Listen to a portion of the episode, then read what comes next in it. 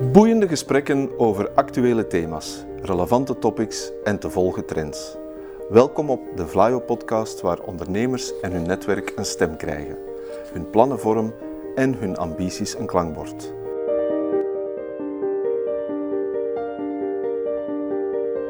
To the point waar het kan, dieper gravend waar het moet. Inspirerend, informerend, ondersteunend. Van artificial intelligence, blockchain en circulaire economie tot digitale zorg. Wij knopen het in jouw oren.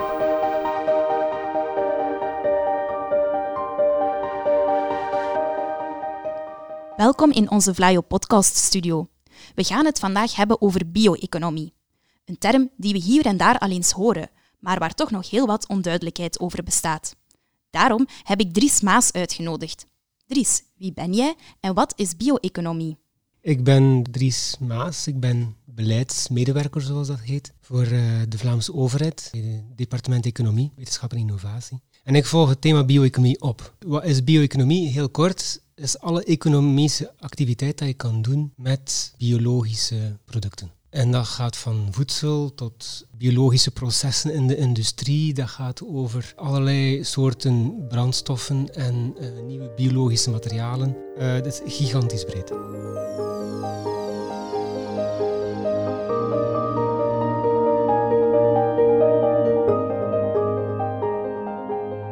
Als ik het goed begrepen heb, dus is bio-economie inderdaad een heel breed en transversaal begrip. Waarom is bio-economie dan zo belangrijk?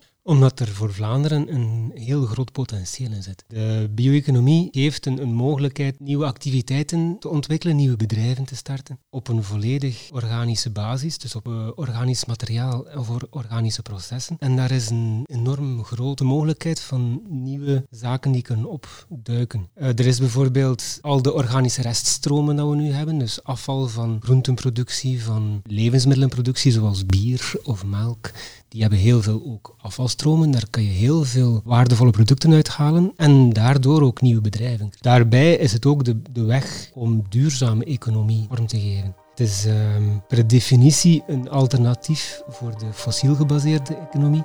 Dus we zitten daar met een, een dubbel voordeel.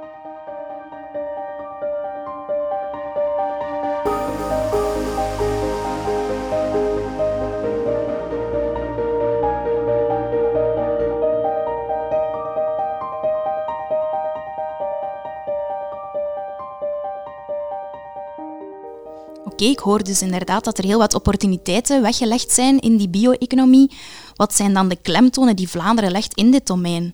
Wel, bio-economie is in heel Europa een thema dat heel hoog op de agenda staat. Zeker bij innovatieactoren, bij iedereen die met innovatie bezig is. In Europa is dat redelijk generiek. Namelijk, ze denken, oké, we hebben een grote landbouwsector, we hebben een regio waar er veel landbouwers zitten, die produceren van alles. Als die landbouwers nu andere teelten kunnen kweken, kun je daar ook nieuwe fabrieken op zetten en dan regionaal een volledig nieuwe economie vormgeven. Dus eigenlijk vanuit Europa wordt er altijd gedacht van kijk, gebaseerd op de grond ter plaatse kun je alles opkweken uh, van nieuwe teelten tot fabrieken in kluis. Uh, voor Vlaanderen is dat anders. We hebben natuurlijk een sterke landbouw, maar die is niet zo groot. We hebben ook niet veel plaats hier in, in Vlaanderen. En het is ook niet de bedoeling om de bestaande teelten die hoog nodig zijn voor de Vlaamse economie, namelijk de voedselteelt, die te vervangen. Dat kan niet. Dus er zijn twee klemtonen die Vlaanderen legt waar we wel supergoed in zijn. Namelijk, we zijn wereldtop in de biotechnologische innovatie. Dus al de innovatie en vernieuwing die de bio-economie nodig heeft, die wordt hier in Vlaanderen onderzocht en ontwikkeld. En we werken ook heel sterk met verwerking van organische afvalstromen. Dus uit de landbouw en uit de voedselverwerkende industrie komen er veel afvalstromen. Die kunnen we een tweede leven geven, een tweede toepassing, een nieuwe waarde door nieuwe processen en ook daarop wordt ingezet. Dus dat zijn de twee grote klemtonen die Vlaanderen uniek maken. En eigenlijk is de bedoeling vooral in te zetten op technologische ontwikkeling en dan de technologische ontwikkeling zelf te exporteren.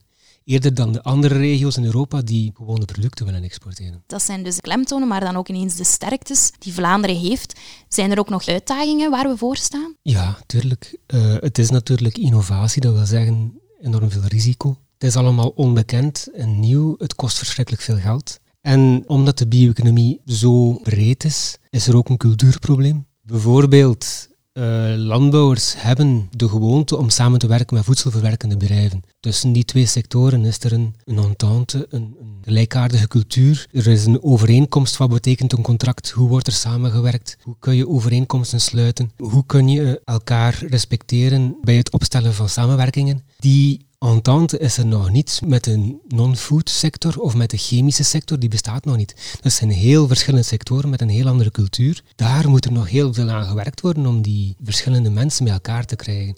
Die nieuwe samenwerkingen vragen heel veel mensenwerk nog, omdat er, het gaat over andere werelden die bij elkaar komen.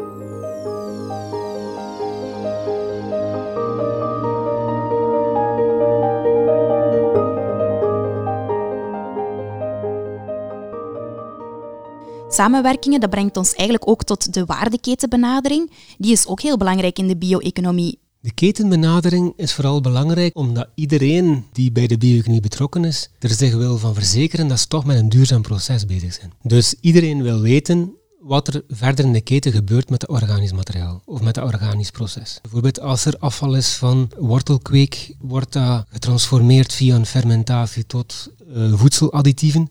Dat zijn dingen die allemaal mogelijk zijn. Maar dat moet zowel voor de boer, voor de logistiek, als voor de fermentator, als voor de, degene die de voedseladditieven eigenlijk verwerkt, allemaal duidelijk zijn waar het allemaal vandaan komt. Dus eigenlijk heel die keten moet van in het begin samenzitten om het te kunnen doen werken. Tweede punt is, in vergelijking met andere ketens, zijn die bio-economische ketens heel erg lang met heel veel tussenschakels. En vaak ook nog complex, omdat ze zich splitsen in heel drie, vier verschillende paden.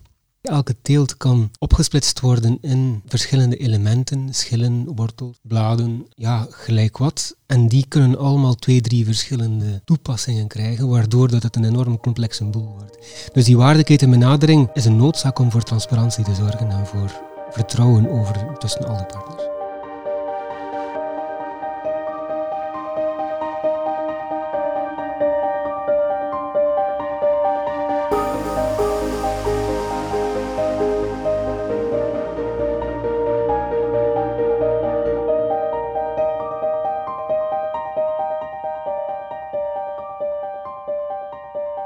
Wat ik mij nog afvraag, hoe komt het dat Vlaanderen zo'n voortrekkersrol heeft in dit verhaal? Hebben wij dan zo'n rijke voorgeschiedenis? Ja, en toch wel. Um, Vlaanderen staat al decennia lang in de voorhoede wat betreft biotechnologisch onderzoek. We hebben bijvoorbeeld het eh, VIB, we hebben ook in elke universiteit heel veel toponderzoekers in het domein. En gaandeweg heeft hij zich vertaald in een innovatieketen die vanuit de universiteiten gegaan is naar bedrijven. Dus we hebben ook nu de speerpuntclusters die eh, met innovatie bezig zijn.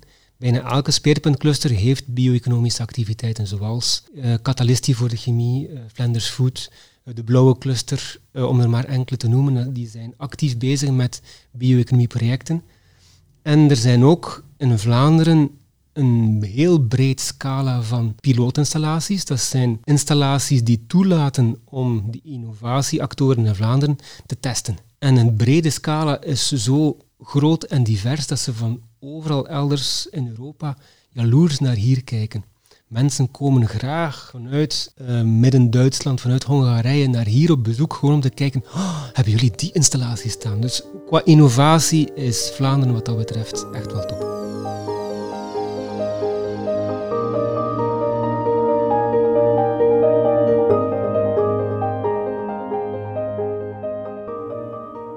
Een mooi verhaal, maar wat brengt de toekomst?